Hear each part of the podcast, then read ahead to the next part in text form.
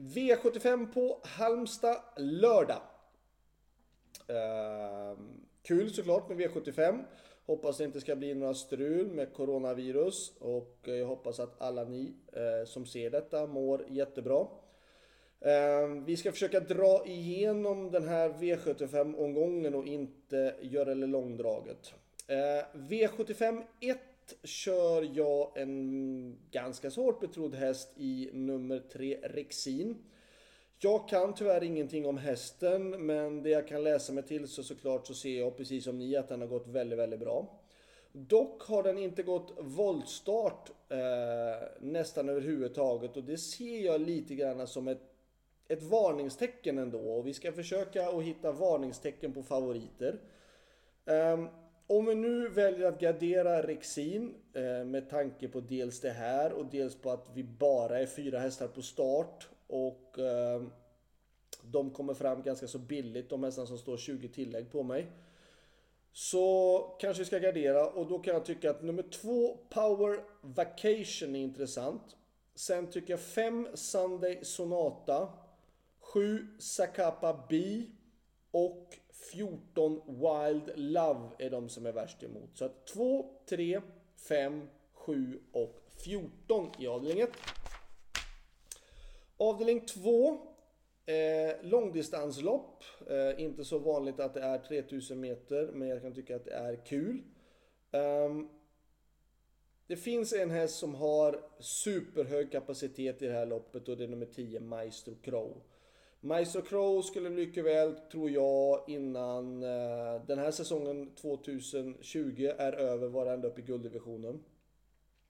Jag går inte emot. Jag spikar 10 Maestro Crow.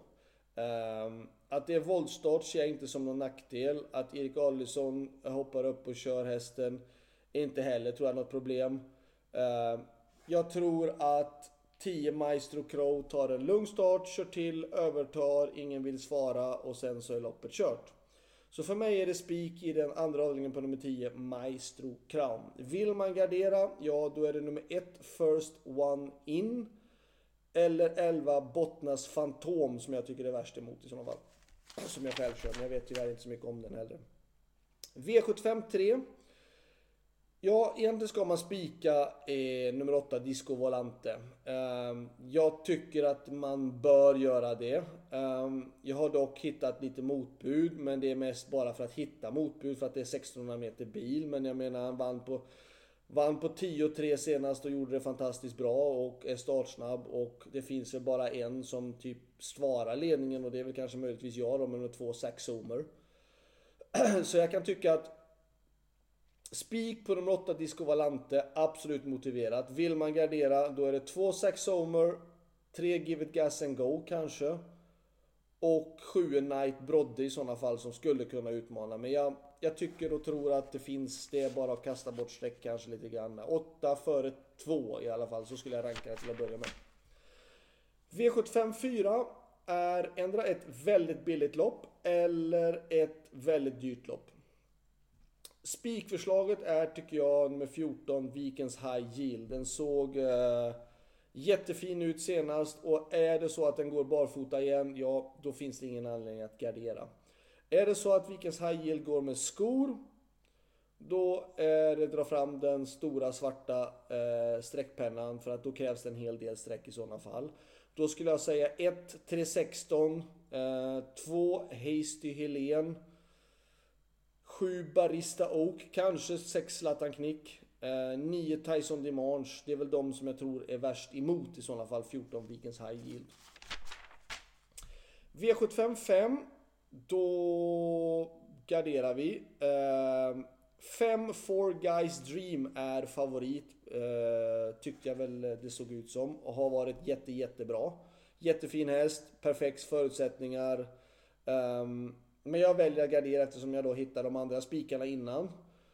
Och jag kan tycka att det är intressant med nummer 4, Carlos Ken, som då har varit um, osäker tidigare men nu ska gå då första barfota runt om om en norskt huvudlag. Jag kan tycka att det är en superintressant ändring och den har ett bra startspår. Om två träter så kan en tredje vinna och då är det Untersteiners andra häst, nummer 9, Luck Håleryd som kan ta um, fördel av det. Så 4, 5, 9 med självklart 5 är första häst i loppet. V75 6. Då ska vi ta nummer 1, Martin de Boos. 2, Sevilla. 3, Greenfield Ailden och 10, Pastor Power. 1, 2, 3 och 10. Eh, det går självklart att gå kort med 2 3 kanske först och främst. Men 1, 2, 3 och 10 tycker jag vi ska ha i sjätte avdelningen. Sjunde avdelningen kör jag nummer två, Jefferson.com. Um, ehm, hästen har gått bra i Sverige men inte varit med på V75. Uh, ehm, distansen är en fördel tror jag. Eller är, det ser så ut. Den har ju gått jättebra på 1600 varenda gång. Uh, men jag tycker vi ska gardera. Uh, ett Hector Boko sitter, besitter jättehög kapacitet ser det ut som. Men frågan är hur han tacklar spår 1 och har kommit med två raka diskade. Det är varning på det och det kanske är ett lyxstreck tack vare ändå. Men i och med att han har spår 1 på 1600 så känns det som att vi ska ta med den.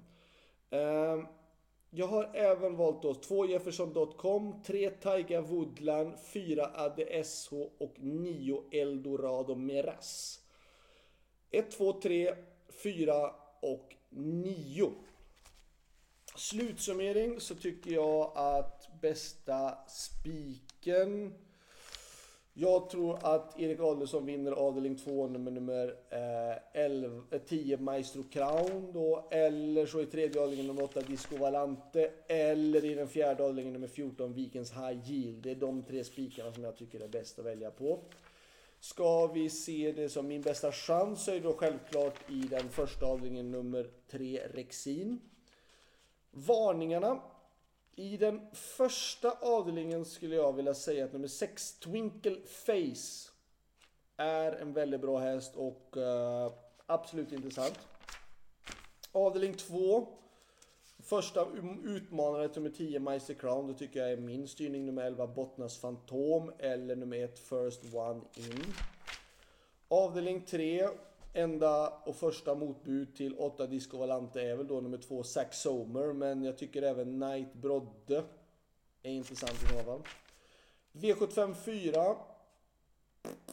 6 Zlatan Knick eller 2 Hasty Helen tycker jag är intressanta. Uh, inte alltför hårt sträckade heller mot 14 Vikens High Yield.